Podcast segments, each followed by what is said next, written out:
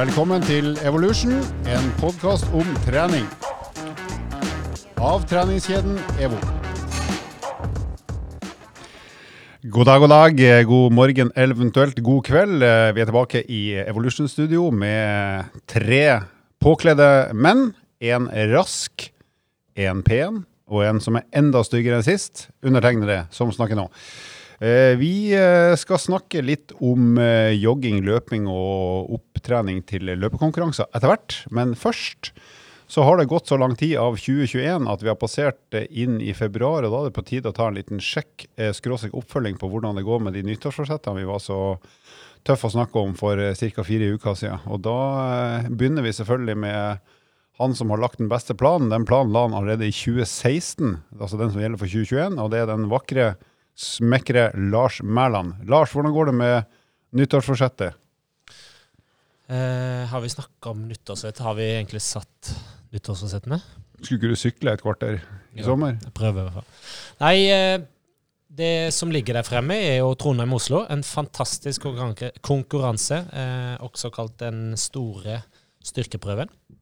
Den kommer i starten på juni. Eh, jeg, eh, nå begynner jeg å bli litt mer komfortabel egentlig med, med å tenke litt mer på det. Jeg var litt redd en liten stund at dette kom til å bli helt eh, forferdelig, og det blir det jo sikkert underveis. Eh, Jeg er fortsatt overbevist om at det blir helt forferdelig.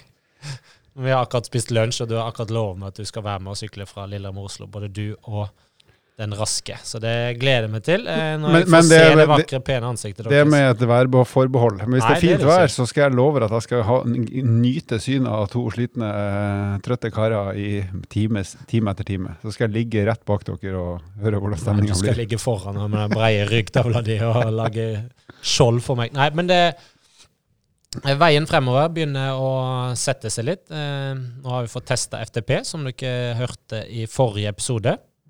Altså terskelvann. Hvor mange watt du klarer å trø på en sykkel i 20 minutter. Ja, så rett og slett funnet ut uh, hvor uh, terskelen min er, og sånn cirka. uh, hva jeg bør jobbe med i og rundt, og da kan begynne å planlegge spesifikke økter ut ifra det. Og apropos det, Lars, det her vet ikke du, men på lørdag eller, så skal vi undervise, det vet du jo. Men eh, da skal jeg og du tenkte jeg ta altså, skikkelig intervalløkt på sykkel etter undervisninga. Det gleder jeg meg veldig til. Jeg sitter ikke med jugekors. Eh, så får vi se hvordan det blir for eh, deg. Du sitter med skjegg. Men de syklene står stille, så Ja, vi det- kommer jo til å eh, Det blir bra. Eh, vi må komme i gang, og eh, veien ligger foran eh, Veien til målet ligger der. Landeveien ligger åpen. Hva med deg da, Raske Skjetne? Du ser jo enda magrere og tristere ut nå enn du gjorde i, eh, rett før jul, og da var du rask. Ja, vi har vel fått avslørt at eh, det at Fett er byen fart. ja, fett er fart. Det at byen var åpen i helgene, det gjorde at jeg holdt en viss eh, jevn kroppsvekt. Men når plutselig byen er stengt da, og det ikke blir noe øl i helgene, så raser kroppsvekta. Og det er jo klart at ølet har jo blitt bytta ut med langturer, så det Øl har blitt byttet ut med mer vold. Øl og vold, er ikke det Vålerenga? skamslåtte bønder. Ja. Ja, det er Sankt Halvards menn. Spiser like mye kebab, da. Ja, nei, så, ja, og det er jo ikke sant, når du plutselig da Det blir en del jobbing, da, sånn som det har blitt nå. For den som jobber i treningsbransjen, så har det jo vært litt sånn kaos med åpne, lukka sentre. Det er litt vanskelig å holde oversikt. eh. ja, for du har den der åpne-lukke-knappen, så du er på hele tida, du. Jeg er eh, han som sitter på the red button. uh, nei, det har vært eh, Det har jo ikke vært en veldig ålreit tid å drive treningssenter, det skal sies. Det, det er klart at når halvparten av sentrene er stengt, det, det er ikke good business. Uh, I hvert fall når medlemmene våre da ikke eh, trenger å betale i de eh, månedene hvor det er stengt. Så det har jo blitt da mye jobb, og det gjør jo at det er mulig å løpe til og fra jobb, og det blir ikke så mye annet. Så da blir det mye trening. og det er nå engang sånn i en del kondisjonsidretter at eh, lav kroppsvekt, eh, i hvert fall hvis det kombineres med god kondisjon, det Og gir eh, Godt humør. og godt humør. Det gir god, eh, god prestasjon. Da. Det blir bra, bra løpstider. Og eh, jeg er jo ikke enklere enn at jeg blir motivert av at det går bra. Eh, Jeg kan jo ikke akkurat si at jeg er dritmotivert når det går dårlig.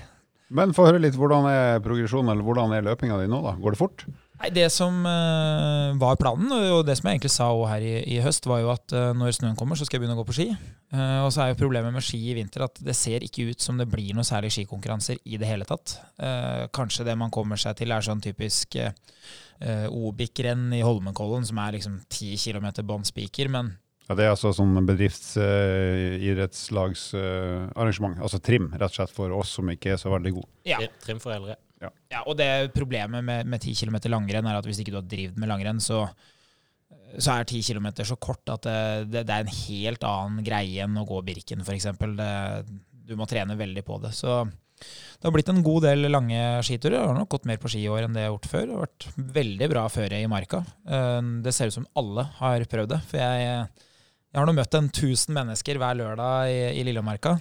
Men uh, til den som ikke har gjort det, så er det definitivt verdt å, å teste det ut.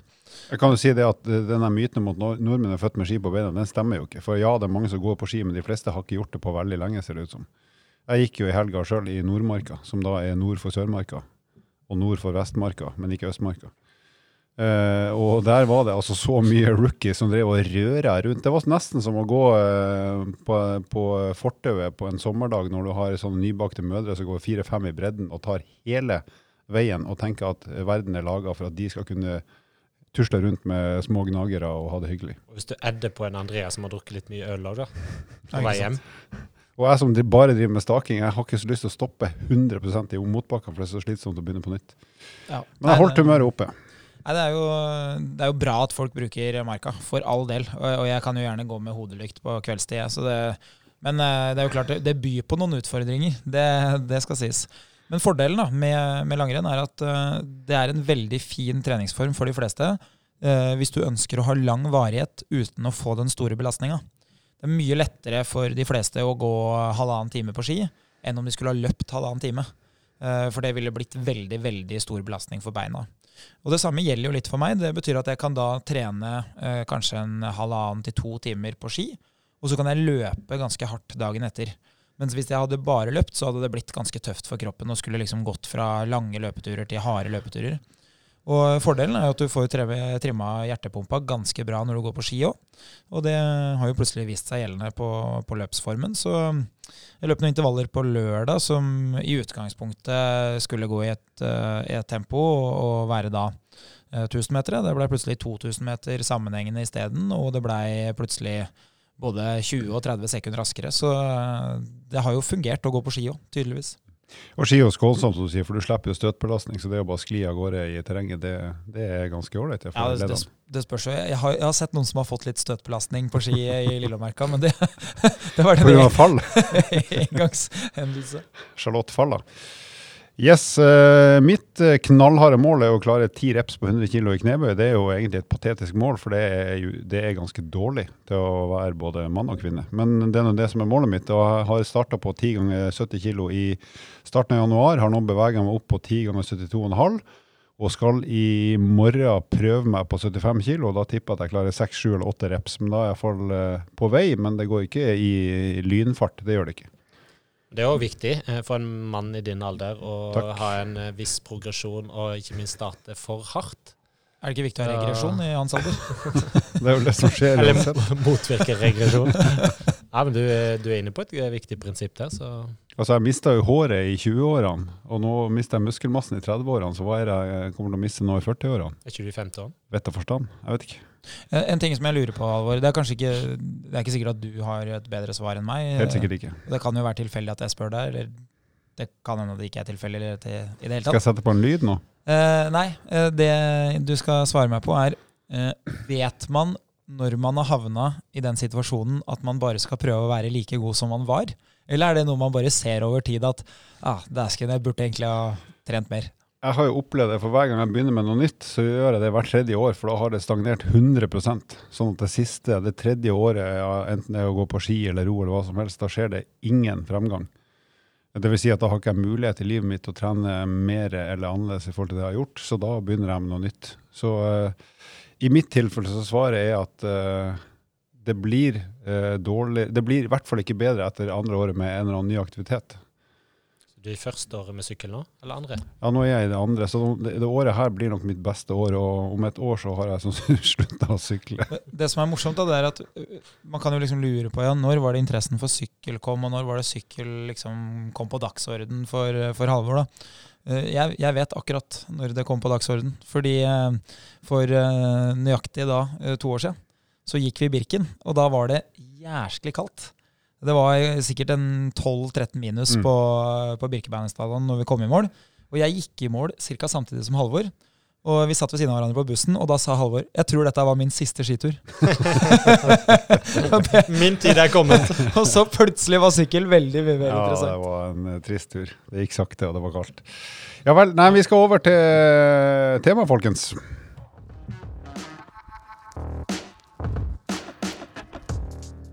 Temaet for podkasten i dag er rett og slett å trene seg opp til å kunne jogge, skråstrek løpe. Og når man kommer i gang med det, hvordan kan man tenke en slags oppladning eller oppkjøring til konkurranse? Og forslaget på temaet det har kommet fra ei som heter Silje Husdal, som er en meget dyktig eh, PT-student på FPT. og til alle dere som hører på, så er det bare å sende inn forslag til både tema og spørsmål eh, når som helst. Send det direkte til meg på Facebook eller mail eller via Evo Fitness, eh, treningsmagasinet vårt. Så tar vi tak i det. Men vi kan jo begynne med han som løper desidert mest. Eh, Andreas, hva vil du si som, som innledningsvis i forhold til hva, hva, kan man gjøre hvis man har lyst til å begynne å jogge, skråstrek løpe og ha det som en treningsform, og kanskje etter hvert også tenke at det hadde vært gøy å konkurrere litt? Nå eh, er det sånn at jeg faktisk eh, jeg har fått lov å oppleve ganske mange ganger de siste eh, ti årene at uh, noen har gått fra å da ikke være i stand til å løpe, eller ikke ha praktisert det, til å både bli god og glad i, i løping. Uh, og en av de fellestrekkene da, som alle de har, det er at de har hatt en progresjon, altså en utvikling, som er tilpassa hvor, eh, hvor gode de var når de starta. Altså hvilken form du hadde i det du starta.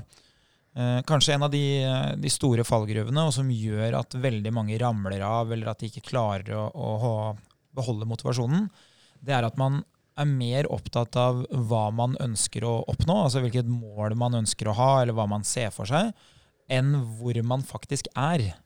Og eh, en av de tingene som jeg bruker mye tid på i eh, mine PT-timer, og, og spesielt ofte da med de som er nye, det er å, å på en måte gjøre de bevisst på det her er utgangspunktet vårt. Eh, Du kan godt være misfornøyd med hvilken form du har i dag. Eh, Du kan være fornøyd med det, det er egentlig akkurat det samme. Men det er i hvert fall det du behersker, og, og det er det vi må ta utgangspunkt i. Eh, Så om du har lyst til å løpe kjempefort, eller om du har lyst til å bare jogge småturer, så må vi uansett finne ut hvor du er, og så må vi legge en plan basert på hvor du er i dag. Eh, og det er det ene. Det andre det er å, å forstå at um, det kan være sånn at den treningskunnskapen du har med deg, det er ikke sikkert at den egentlig er veldig bra. Det er mange som har lært eh, litt om trening når de har gått på skole, kanskje de har hørt litt fra foreldra sine. Eh, og den, en del av den historien, eller da kunnskapen, er kanskje litt forelda, litt sånn eh, avleggs. Jeg har jo lært mye av mora mi. Hun var veldig god til å kaste liten ball. ok. Nok om det. Fra kretsmester i liten ball. Hun var skolemester, faktisk. Nei, bra, bra. Eh, nei, og det, og det det betyr da, sånn rent praktisk, det er at eh, det kan godt hende du har hørt at eh, for å komme i form eller gå ned i vekt, så må du løpe. Eh, og det har jo vi på en måte gjennom den podkasten her avslørt at det, det må ikke løpes. Eh, Løping er et fint valg fordi det er en enkel metode å bruke, men det må ikke løpes. Det kan hoppes, danses, det kan gås på ski, det kan svømmes. Synges. Synges, ja, det kan Ikke. Ja, det må synges lenge så. Eh, Men det som er viktig å forstå, da, det er at vi velger gjerne løping fordi det er hensiktsmessig, ikke fordi at det har noe mirakel over seg å, å løpe. Og det andre, det er at den formen du har, det er den som legger grunnlaget for hva du kan gjøre. Og det er faktisk sånn at veldig, veldig mange av Norges eh, befolkning, da, de er ikke i stand til å løpe sammenhengende så lenge som de kanskje har sett for seg at de skal gjøre. Uh, og det er faktisk ganske stor sannsynlighet for at hvis du nesten ikke har trent utholdenhet, uh, kanskje du har både 10 og 15 kilo mer enn det du ønsker å ha, eller det som er hensiktsmessig, så er det ikke sikkert at det å løpe 20 minutter sammenhengende er noe du faktisk får til. Og hvis du kombinerer da kanskje litt svak kondisjon med at det stedet hvor du bor eller hvor du ønsker å løpe, så er det ikke flatt. Det er faktisk litt eh, kupert. Så vil det være sånn at du drar av gårde i en fart du tenker er riktig, og så vil egentlig kravet til kondisjonen din være så mye høyere eh, enn det du egentlig har, at eh, underveis i den løpeturen så løper du med, med da en, en fart som gjør at det blir fire minutter løping istedenfor de eh, 20-30 minuttene du hadde sett for deg at det skulle bli. Så en sånn start, hvis, hvis det er en stund siden man har løpt og er usikker på formen, det kunne vært at den første gangen du tar på deg relativt lette sko, så Tenker du at du skal holde på i f.eks. en halvtime, og så begynner du rett og slett med å gå, og så går du der litt varm, og så ser du om du tåler å øke farta litt, og hvis det går greit, så kan du øke farta litt til, men hele tida tenke at jeg skal holde på i 30 minutter, så jeg må tilpasse farta sånn at det går greit. For eksempel, bare for å få en idé om hva er jeg i stand til nå. Og kanskje det ender opp med å løpe ganske fort til og med på slutten av den halvtimen, det, det vet man ikke før man har prøvd, men at du rett og slett begynner med gange, og så øker farta litt og litt i løpet av en halvtime. Ja, og en ting som jeg ofte sier da i de aller første PT-timene, for å på en måte bevise det eh, prinsippet om progresjon, det med utvikling, det er at jeg er 100% sikker på at du kan løpe én time om ett år. Det, det, er jeg helt overbevist om. Uansett hvilken form du er i, så er jeg helt sikker på at du kan få til det. Uh, problemet er at de fleste ser for seg at én time er veldig lenge. Og det, det er jo veldig lenge. Det er veldig lenge hvis du ikke får lov å forberede. Men hvis uh, man tenker at man skal løpe ett minutt i dag, det er jo det som er spørsmålet. Klarer du å løpe ett minutt i dag? Hvis du klarer det, så er egentlig den uh, progresjonen ganske enkel. For det betyr at hvis du løper to minutter om en uke, det betyr at da har du jo egentlig seks dager på deg i mellomtida til å gjøre ting som kan gjøre at du skal kunne løpe to minutter om en uke. Så skal du løpe tre minutter i uke tre. Da har du jo nye seks dager på å dekke det mellomrommet. Og det høres ut som at det skal bli tungt et eller annet sted i andre enden. Men sannheten er at fra uke én til uke to, når du går fra ett minutt til to minutter, det er jo da du har en 100% økning. Det er egentlig den tøffeste økningen du skal være med på. Det å gå fra 13 minutter til 14 minutter, det er jo langt under 10% økning. Så, så det er ikke der det blir tungt. Og idet du kan løpe i 20 minutter, så vil du helt sikkert kjenne at ok, jeg, jeg kunne ha løpt i 30 minutter. Så hvis du lar den progresjonen være førende. Ok, jeg har ikke en større forventning enn at jeg om ett år skal løpe én time. Men det kan godt hende at du løper både 20 minutter og 30 minutter i en uke hvor progresjonen tilsier at ja, nå skulle du løpt 11. Da ligger du foran skjema. Men hvis du har det et sted i hodet at utviklinga jeg er på jakt etter, det er ett minutt per uke, da er du der på ett år. Men Hva tenker du da, Skal man uh, bare ta den uh, jogge-gåturen en gang i uka, eller skal man prøve å gjøre litt mer hvis man er litt gira? Nå er det jo sånn at Én uke består jo av syv dager, som betyr hvis du da trener tre dager i uka, så har du mer pause enn det du trener. Så jeg, jeg tenker at et, et, godt utgangspunkt er å ta tre dager i uka. Eh, men så ville jeg vært litt smart på hva jeg gjør. Fordi fordelen i starten det er at det er ikke sikkert det blir så mye løping. Men det betyr jo at du har jo tid til noe annet. Hvis du har satt av en time for eksempel, eller en halvtime. Eller. Så det jeg ville gjort, er at jeg ville tenkt at en av de tingene jeg skal gjøre, det er å gå. Jeg skal gå én time hver helg, f.eks. Nå skal jeg gå såpass fort at uh, det skal være litt slitsomt. Kanskje jeg blir litt svett av uh, å gå, kanskje jeg går litt kupert. Mens de to andre dagene da vil jeg tenkt at da skal jeg løpe, men jeg vil òg legge til litt styrketrening. Fordi uh, det som skjer når du løper, det er jo at løpinga for de fleste som er i den situasjonen at de kanskje har litt ekstra vekt, og at de kanskje ikke er i god nok kondisjonsform, så vil løping egentlig være en ganske sterk styrketrening for kroppen. Plutselig skal kroppen din sveve mellom hvert skritt. Du skal ta imot kroppsvekta di. Og det er nok det mange undervurderer, at de, de faktisk får god nok kondisjon til å løpe både 10, 15, 20 og 30 minutter, men de har egentlig ikke noe styrke til å stå imot den belastninga. Så jeg tror jeg ville vært smart og delt opp treninga i starten, sånn at jeg hadde trent eh, kanskje litt løping, litt styrke, gått litt. For da kan jeg henge med hver eneste uke. Enn hvis jeg tenker at wow, det gikk skikkelig bra å løpe i dag, jeg er supergira på å løpe i morgen, jeg løper i morgen, og det gikk enda bedre. Og som åtte dager, da har jeg løpt åtte dager på rad. Og jeg løper heller ikke åtte dager på rad, fordi det krever veldig mye av kroppen å måtte løpe når den egentlig er sliten hele tida. For da får du så lite hvile mellom hver dag. Da. Eh, også jeg har et praktisk eksempel fra mine kunder når vi har trent på EVO inne, og det å bruke tredemøllene, og ikke minst det å bruke motbakke, som er da mye mer skånsomt for kroppen, eh, som vi har prata litt om, og ikke minst eh, man trenger ikke ha så høy fart for at man føler at man løper. Så det er som overgangen fra hurtig gange til lett jogg eh, oppover, den er veldig, veldig liten. Um, så det å kombinere økter med litt motbakke-type intervaller altså Det må ikke være et intervallprinsipp, men derfor at man løper x antall minutt og går x antall minutt, kanskje litt flatere. Men uh, eventuelt litt lett jogg, men med, med x antall prosent stigning, så man får litt mindre belastning på kroppen og trenger ikke ha så høy fart. Å kombinere det med f.eks. en gåtur ute, hvor man òg kan bruke motbakke. Jeg hadde en kunde for mange mange år siden hvor den økta han skulle gjøre på egen hånd, det var å gå motbakke. Og de som kjenner Oslo, det var å gå eh, mot Grefsenkollen og så ta bussen hjem igjen. rett og slett. Så man går opp dit og bare hopper på bussen eh, og kommer seg hjem igjen og får på en måte ikke den belastninga som det er å gå nedover tilbake igjen. Grefsenkollen er til høyre for Holmenkollen.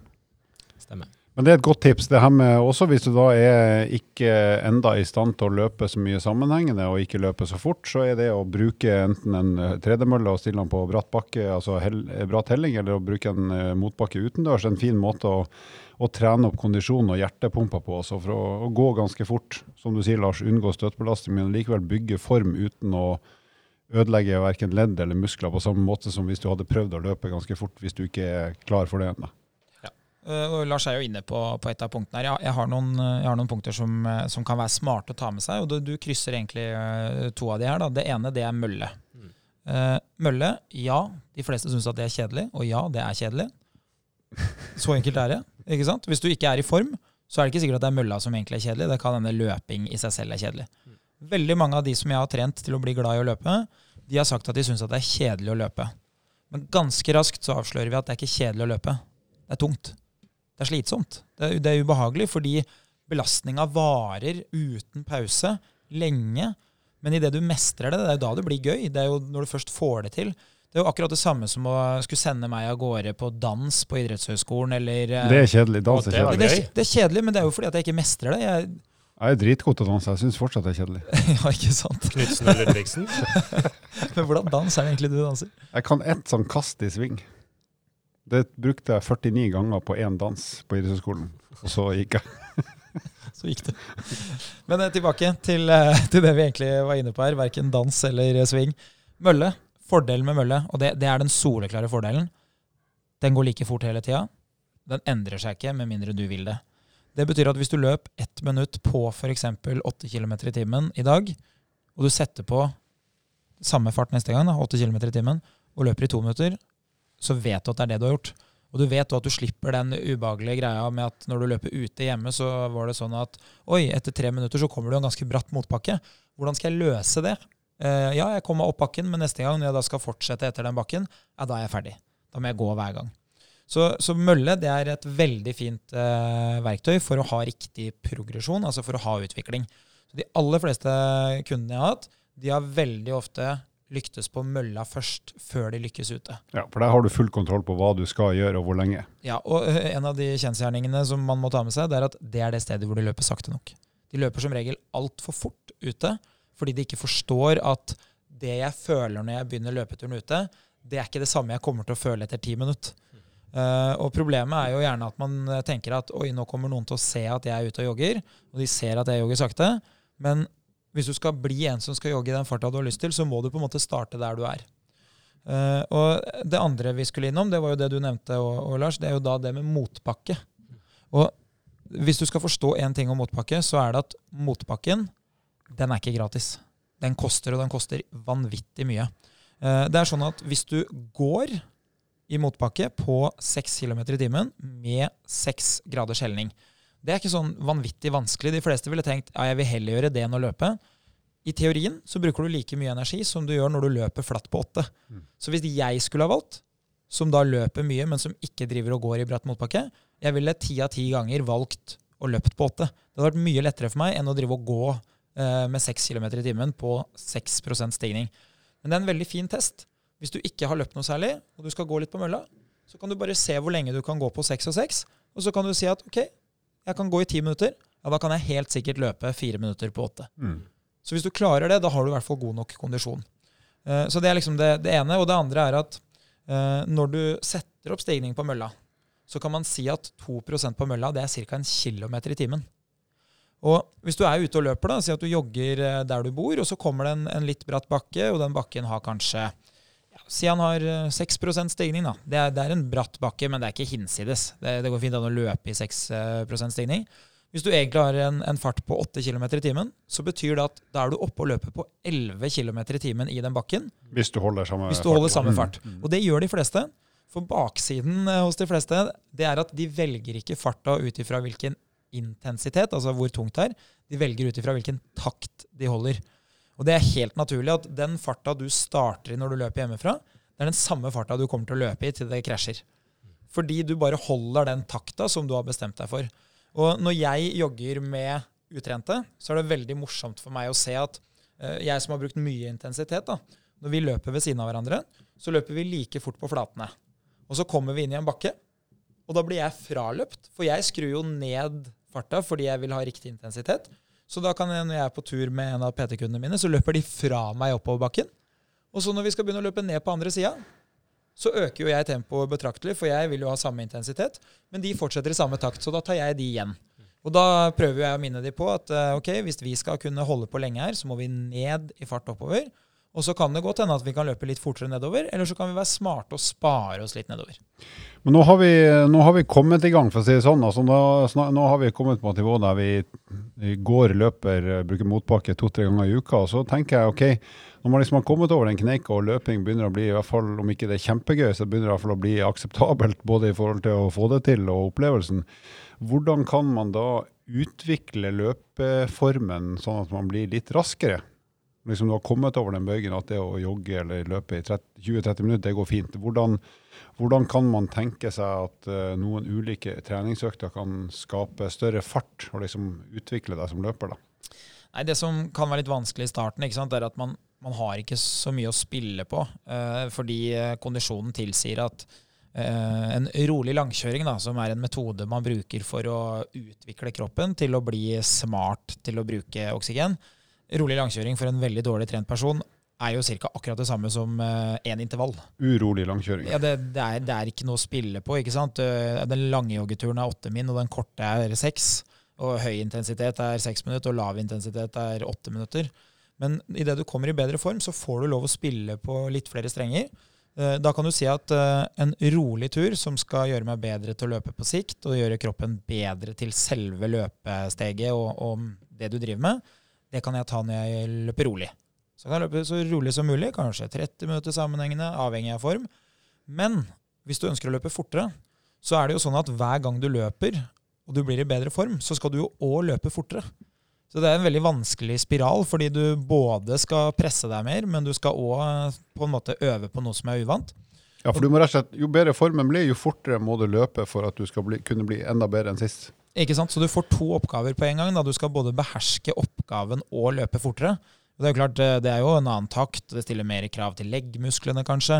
Eh, så du må plutselig bruke mer energi på det, samtidig som det er litt stressende for hodet å løpe fort. Så det som kan være smart da, er jo å legge til en økt hvor du da har det som fokus, det å løpe fort. Og det er jo det man gjerne kaller for intervall. Eh, det finnes jo da ulike typer intervall. Eh, hvis man sier da lang intervall, da sier at man driver på i fire minutter eller seks minutter eller åtte minutter, da, da har man på en måte rigga løpinga si for at det er hjerte og lunger som skal jobbe. Men så har man jo det som heter kort intervall. Og Hensikten med kort intervall er jo gjerne hjerte og lunger, det òg, men, men, det er også en mulighet til å få løpt litt fortere. Fordi hvis du skrur ned hvor lenge du skal løpe, så kan du jo skru opp hvor fort du skal løpe. Og det som kan være fint for mange da, det er jo å, å løpe litt kortere. Kanskje man kan løpe i ett minutt, gå i ett minutt. Og så kan man få lov å da ha en mye høyere fart i ettminutterne enn man kunne hatt hvis man skulle ha sammenhengende løping i samme periode. Så jeg bruker jo det mye for å trene på det å få løpt litt fortere.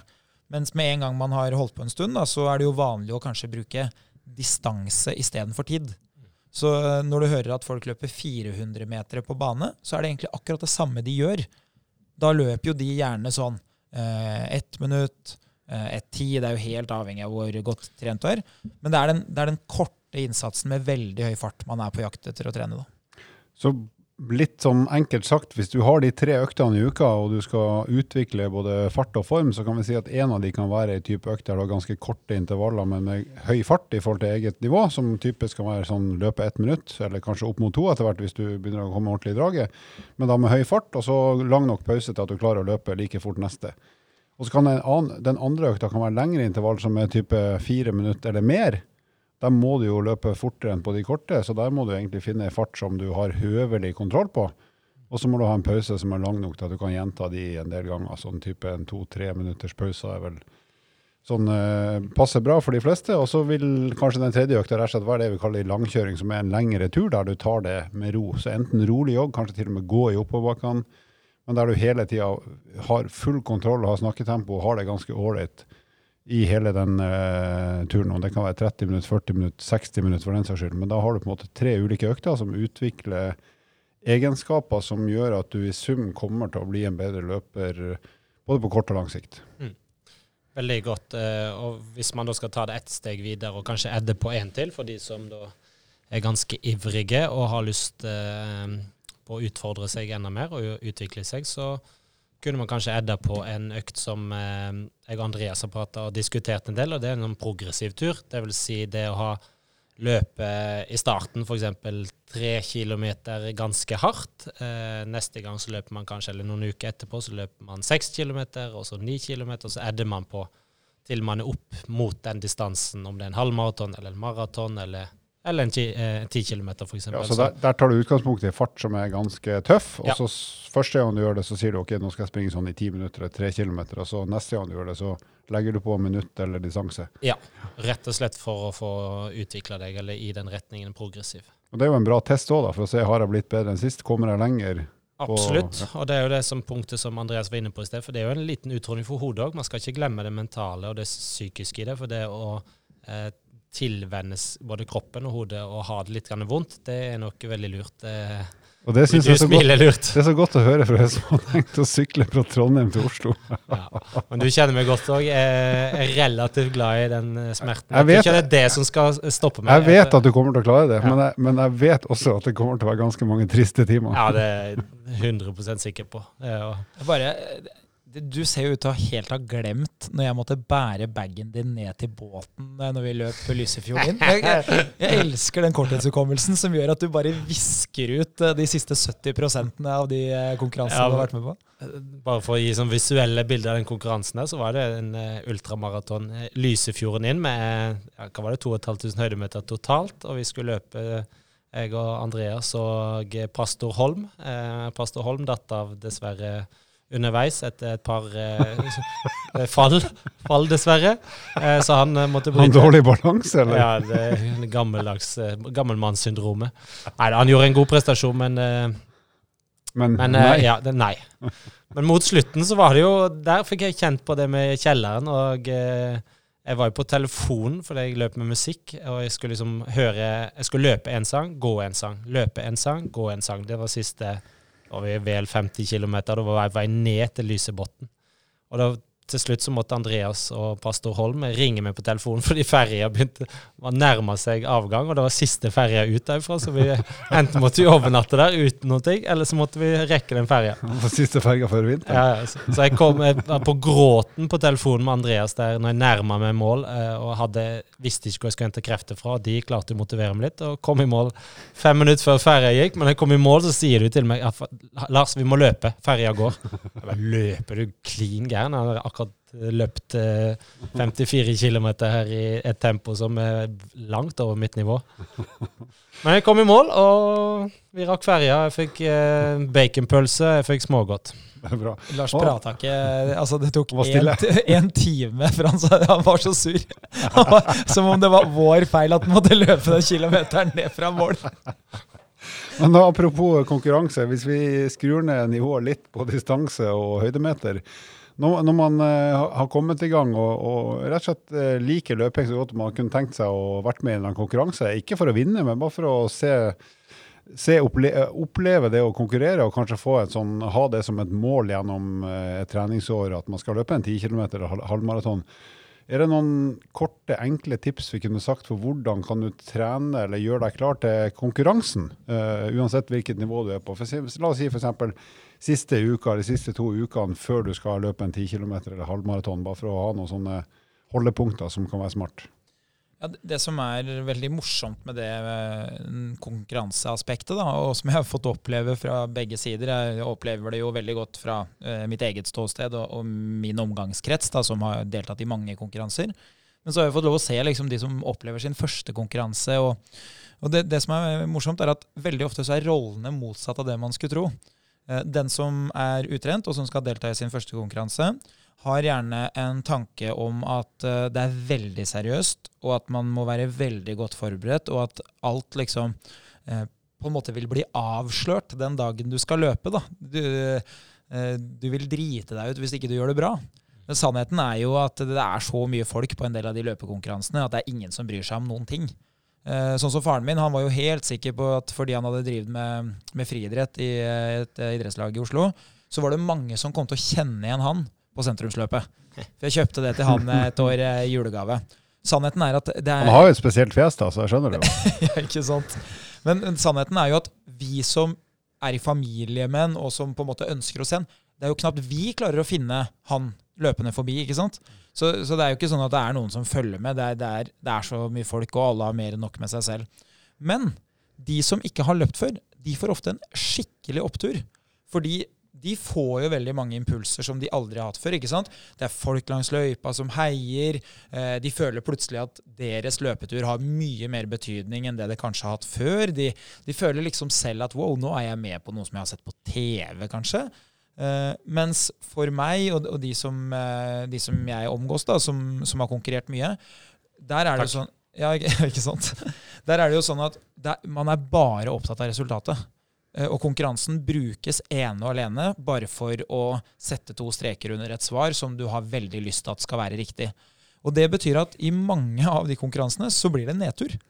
Uh, og man er ofte så sliten og man har forberedt seg så mye at den opplevelsen underveis, den er helt fraværende. Altså den, eh, den applausen og tilstedeværelsen langs løypa, den, den er bare i hodet til de som har holdt på lenge, når det går bra. Mm. Det er ingen av de som bryr seg om det, sånn som når du kom i mål på Birken her. da. Jeg tror ikke du tenkte over at det sikkert sto 2000-3000 langs løypa, selv om det var 30 minus fra Det var ingen som klappa for meg. Nei, ikke sant? Mens hvis du Tilbudte deg bare jegershot. Jeg hørte på sånn heia, heia, heia. men hvis du hadde satt pers, Oi, han var sliten. så hadde du nok huska det som kanskje et av de beste årene hvor det var bra stemning. og så jeg anbefaler jo de fleste å faktisk sette seg et mål om å, å være med i en sånn konkurranse for å ha prøvd det. Og da Spørsmålet ditt var jo hva skal man gjøre da i kanskje ti uker før en sånn konkurranse? Ja, eller si ei til to uker før. For vi tar det på et sånn Ja. mosjonistnivå. Ja, ikke sant? Så Hvis vi sier at uh, fra den dagen du finner ut at oi, nå, nå kommer den datoen ganske brått på, så er alltid min sånn rescue plan det er hva må vi gjøre for å komme oss til mål?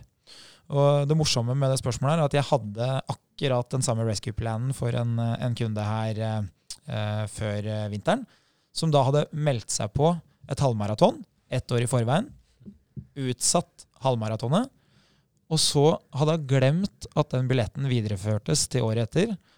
Og så ble jeg kontakta av da venninna som skulle løpe, og som sa du, eh, om to og en halv uke så skal jo vi løpe halvmaraton. Og da tok det jo et par sekunder før det klinga i min telefon, og så sto det jeg skal løpe halvmaraton om to og en halv uke. Hvordan gjør jeg det? Ikke hvordan gjør vi det? Ikke sant? Hvordan gjør jeg det? Hvordan kommer jeg meg til mål? Og da er uh, oppskrifta ganske enkel. Da starter man uh, på en måte med den dagen man skal løpe. Og så tenker man hva er det jeg absolutt ikke bør gjøre? Jo, jeg bør absolutt ikke løpe veldig langt dagen før eller to dager før. Det er veldig dumt. Altså, sånn nesten uansett nivå så er det lurt å ta det pent de siste to døgn før start. Ja, Så 48 timer før, da er du kjørt. Det, da har du allerede på en måte fått Du får ikke gjort noe som påvirker resultatet positivt eh, de siste to døgnene. Nei, du får bare gjort ting som gjør det mer negativt. Ja. Mens hvis vi har litt avstand, da, si at vi har et helgeløp. Eh, hvis du da f.eks. den eh, starten av uka eller helga før har mulighet, da er vi inne på noe. Sånn at hvis eh, du skal være med på en 10 km eller 21 km, da, som er halvmaraton, så ville jeg tenkt at hvis jeg klarer å komme meg til 66% av distansen, da er jeg ganske sikra å komme meg til mål. Mm. Så hvis jeg klarer å løpe 6 km, eller hvis jeg klarer å løpe da eh, 14,2 da, Nå høres det ut som jeg tar det raskt i huet, men har du løpt halvmaraton, så er distansen den samme hver gang. Så, så 14,2 km. Det er ikke sikkert at det blir dritbra, og det kan hende det blir ganske tungt på slutten. Men med tanke på at du har to uker på deg til å redde i land det her, så er du ganske sikker på at du kommer til mål. Fordi den økta vil jo gjøre deg i bedre form, som vil tilsi at ja, du kommer til å klare 80 Mm. og hvis du klarer 80 da begynner du å være så nærme mål at det er lite sannsynlig at det er der det skal, skal ryke. Så øh, hvis du har mulighet til det, så kan du jo legge en slagplan på at du kanskje klarer å få til 30% av distansen, 60% av distansen, og så har du fulle distansen da når du skal konkurrere. Og så har du de som da eh, har trent regelmessig og har satt seg det her målet for lenge siden, som er i gang, og som ikke får den der 'oi, jeg skal visst være med i et eller annet løp snart', men som vet at om en del måneder så skal jeg være med på den 10 km eller halvmaratonen, og nå trene tre ganger i uka, typ, sånn som vi har snakka om. Så hvordan kan de tune treninga si de siste ti dagene inn mot en konkurranse som allerede er brukbart planlagt, og, og, og de vet at de, gjennom, de, kommer til å gjennomføre med stil, men, men hvordan kan de tune treninga de siste ti døgn for å liksom få mest mulig ut av det de har klart å gjort treningsmessig? Eh, det som Lars var inne på i stad, er jo et av de bedre punktene når det gjelder å, å prestere. og mange de roter seg bort i at de hører hva toppidrettsutøverne gjør. Men det man ikke tar hensyn til, det er at toppidrettsutøverne de gjør veldig mye det samme hele tida. Så hvis du skal ta tips fra en maratonløper, maratonløper, f.eks. Sondre Nordstad Moen, så må du ta utgangspunkt i at han løper maraton. Det er det han gjør. Mm. Øktene hans ligner veldig på det. Så at han ikke har den samme eh, oppladninga som det vi andre har, det er helt naturlig. Eh, og det man undervurderer, da, det er spesifikk tilnærming. Du, du må gjøre noe som ligner på det du skal gjøre. Eh, veldig mange ganger så har jeg hørt om folk som er i god form, og som løper veldig gode intervaller f.eks. før en 10 km. Og så forteller de om at eh, ja, etter 6-7 km så, så, sprakk jeg. Jeg klarte rett og slett ikke å komme meg i mål.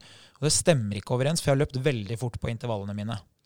Eh, og så, Hvis det er meg de prater med, så stiller jeg ofte spørsmålet men har du løpt noe som ligner på det du skal gjøre. Har, har du gjort noe spesifikt? Har du, har du løpt 5 km, 7 km i den farta som du Nei, det, det, har jeg ikke gjort, fordi eh, det, det, er jo ikke det som er vanlig på planen. Nei, men det er jo det, det, er det, du skal konkurrere i, det er det du skal teste. Det er både det du skal teste på utsida av kroppen, altså det fysiske, men det er òg det mentale. Altså, du skal jo ha det ganske kjipt her ganske lenge når du skal løpe maks i 10 km f.eks. Så hvorfor har du ikke trent på det? Nei, det, det kanskje jeg bør gjøre. Mm. Så veldig ofte så ser man at det som lar seg, hvis man da ti dager før Ok, jeg går ut, og så løper jeg seks eller sju kilometer i den farta som jeg tenker å løpe ti kilometer i neste gang. Mm. Da vil du vite hva som kommer.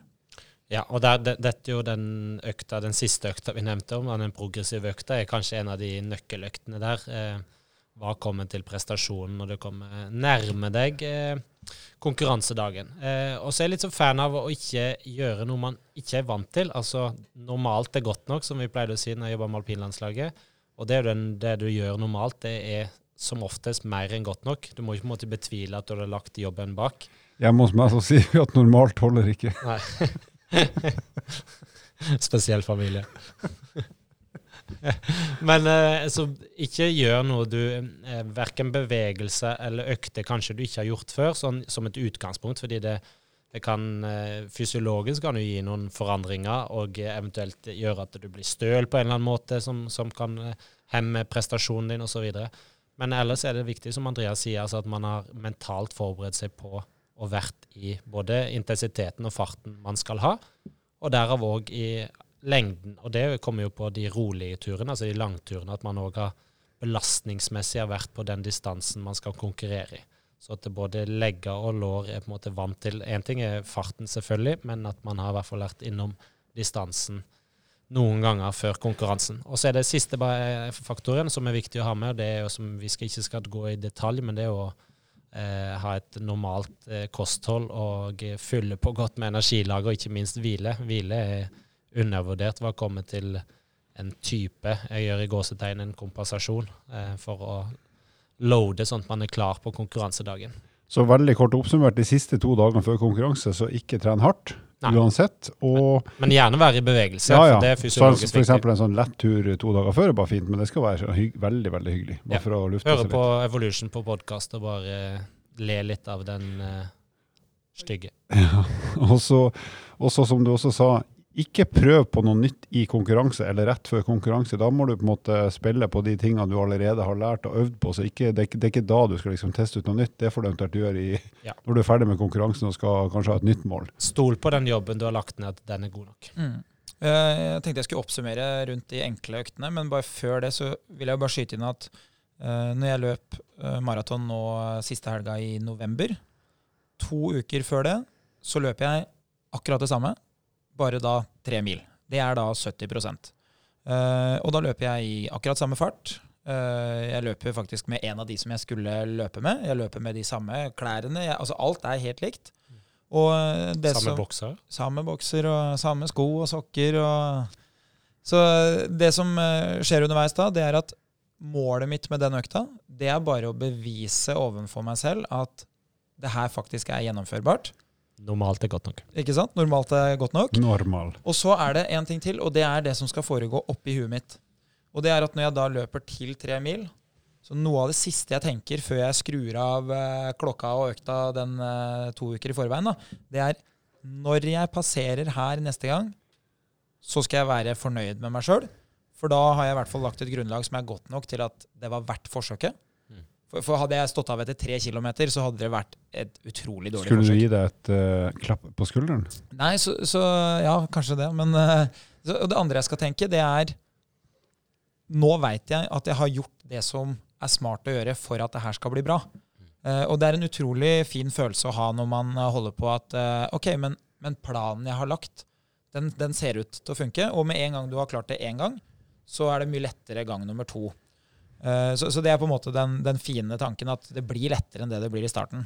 Men hvis vi da skal bare oppsummere de enkle tipsene for trening, eh, helt uavhengig av om det er meg eh, eller om det er noen som aldri har løpt før, så finnes det tre typer økter som kan være litt morsomme å bruke hvis man har tid.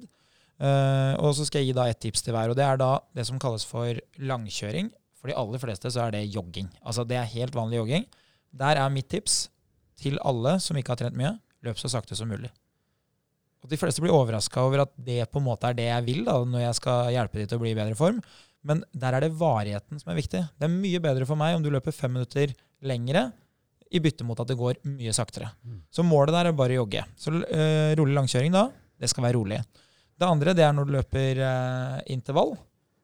Der òg, start rolig. Det er mye bedre at du blir god til å løpe intervaller, og at du klarer å komme deg gjennom kanskje fem-tre minutter, enn at du kom deg gjennom to-tre minutter som gikk dritfort, men volumet er ikke til stede. Det blir bare seks minutter løping isteden. Så det er mye bedre at du tenker at ok, i verste fall så får jeg heller bare jogge alle intervallene, men da har jeg i hvert fall fått mange nok minutter med jogging til at det er en god treningsøkt.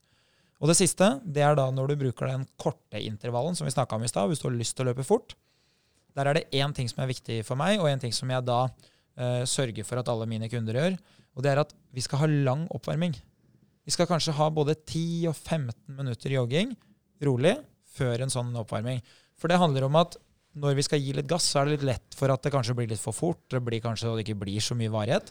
Men da har vi i hvert fall gjort unna treningsøkta tidlig. Vi har allerede jogga i 15 minutter, så om det ryker på rumpa etter fem minutter, ja, da ble det 20 minutter løping den dagen. Så det var egentlig en bra økt. Og det er noe som er undervurdert hos de fleste, det er oppvarminga. Veldig mange de kunne ha varma opp mye lengre fordi det hadde gitt veldig god effekt. Good. Da eh, føler jeg at vi har eh, belyst temaet relativt bra. Jeg syns du var forbausende god i dag, Andreas. På tross, av, på tross av en litt sliten sveis og dratt i, i, i hele ansiktshuden. Er det ikke det de sier, at eh, når du ser sliten ut, det er da du er i form? Jo, Når du er småsjuk hele tida. Yes, hvert fall når da, andre påpeker det. da får vi en liten lyd.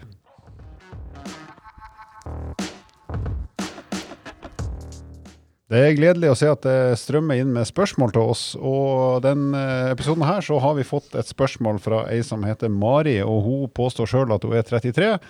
Vi kjenner henne, og vi vet at hun er 29. hun, har så, hun har vært så uheldig å bli gravid, Eh, og vi kjenner faren, så vi vet at det er uflaks. I hvert fall for hun. Eh, hun spør eh, rett og slett hvordan kan jeg trene blodpumpa når jeg er gravid i uke 31. Eh, hilsen frue i sin beste alder. Og det hun påpeker, da, det er at hun, hun klarer ikke å løpe, og hun har heller ikke tilgang på ellipsemaskin fordi at treningssentrene er stengt. Eh, og hun har eh, tidvis litt vondt i bekken, men hun klarer å gå. Så spørsmålet til oss er egentlig hvordan skal hun kunne få trent slagvolumet, kondisjonen sin, eh, når hun ikke kan løpe. For det bør hun ikke gjøre nå. Og hun kan heller ikke bruke ellipsemaskin. Men hun har veldig lyst til å trene også i slutten av svangerskapet. Ordet er fritt, gutter.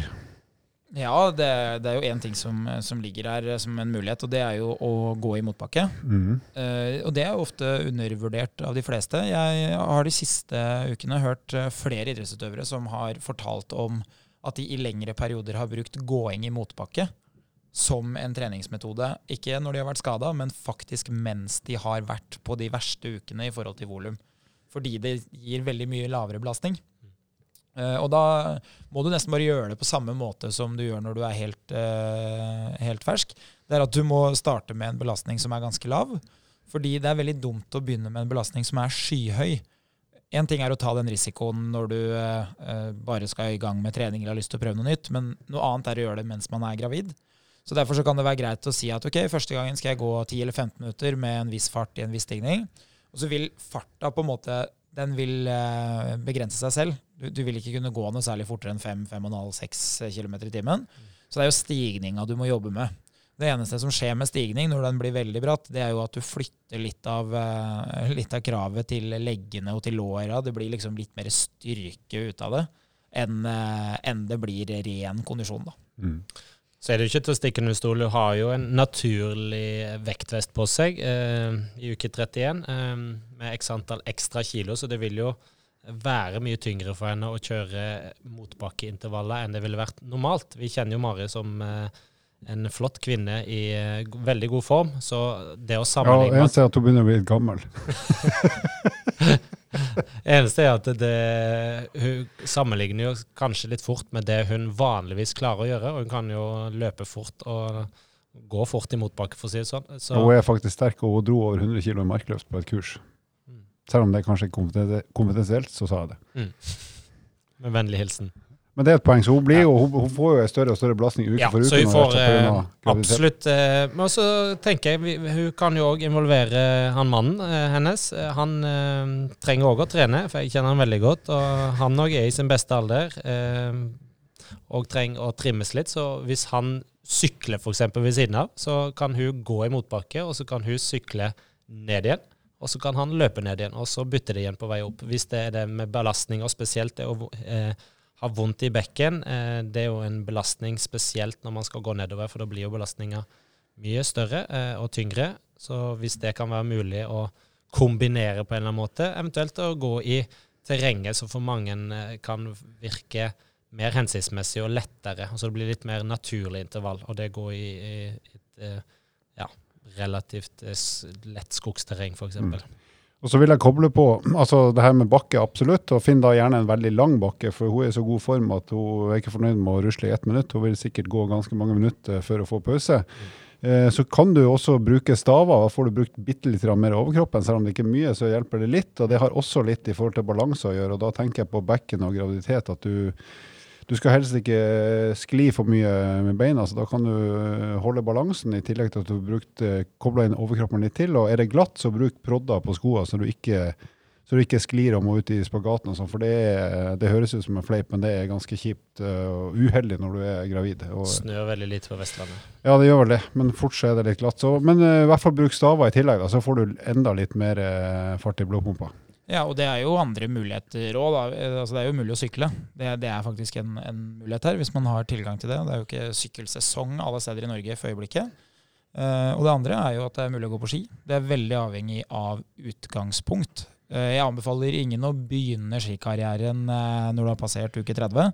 Men hvis du har gått en del på ski før, så er jo ski ofte kanskje den enkleste metoden å bruke når man er gravid, hvis man velger områder hvor det ikke er så okkupert. Ja, og ikke så mye krappe svinger igjen. Og det har litt med å ha styr på beina og ikke komme for langt ut i, i lederslagene. Mm. Ja, men bra, Mari. Da, eh, selv om du har havna i ulykka, så får vi ønske deg lykke til både med trening og graviditet. Fordelen til hun har, eh, de har et barn fra før, så hun har jo på en måte erfaringer med ved hvordan komme seg tilbake igjen. og litt sånn visuelle bilder av eh, hva man har lykkes med før. og ikke minst Det vil jo være mulig å unngå å gå eh, på smellen to ganger. Ja, det var det jeg tenkte. Hun, hun, hun, hun har ikke lært noen ting. Med samme mann.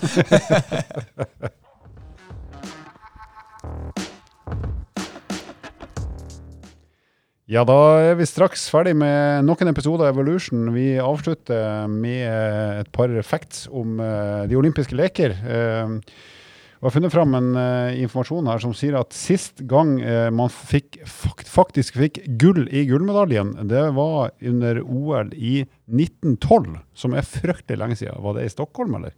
Ja. Det lurer jeg på.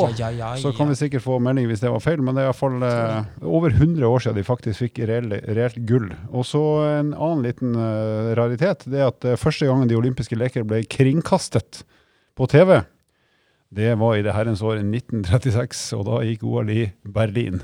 Det, Og da var det USA ble faktisk beste nasjon i 1912. Det var, var det? Stockholm. Ja, Stockholm og Norge fikk fire gullmedaljer. Stockholm etter høyre for Oslo. Hvem, eh, hvem vant? Eh, Hvem vant hva? Jeg er helt på Otto von Porat. Porat i boksing tror Er jeg er et tips. 1912? Det kan nok stemme. Er tips. Jeg tippa vi Eh, hadde noen pil- og bueskyting og sånt òg. På løpende villsvin? Nei, det var jo ganske seint, det. Ja, det var Tor Heistad i 88, men pil og bunn og skyting tror jeg nok vi har i 1912. Uh, Det var jo før verdenskrigen, vet du. Eller var det midt i? hva- Oppfølging, da? Vet dere hva som er i, i gullmedaljen? Jeg har prøvd å finne ut det, for jeg har vært så heldig og vært med å vinne et eh, OL-gull jeg sier med på. Og, Det er som å si 'vi er gravide', det, Lars. Ja, det er akkurat det. Så jeg prøvde å tygge litt på det og bite litt på det, og så spurte jeg faktisk når vi var på premieutdeling, for jeg var med backstage når de Men de hadde ikke et godt svar. Så, men det er nok noen gull eh, Det er noe gull i det, men det er ikke rent gull. Nei, det er, eh, hvis jeg ikke husker feil, så er det jo vanvittig mye sølv.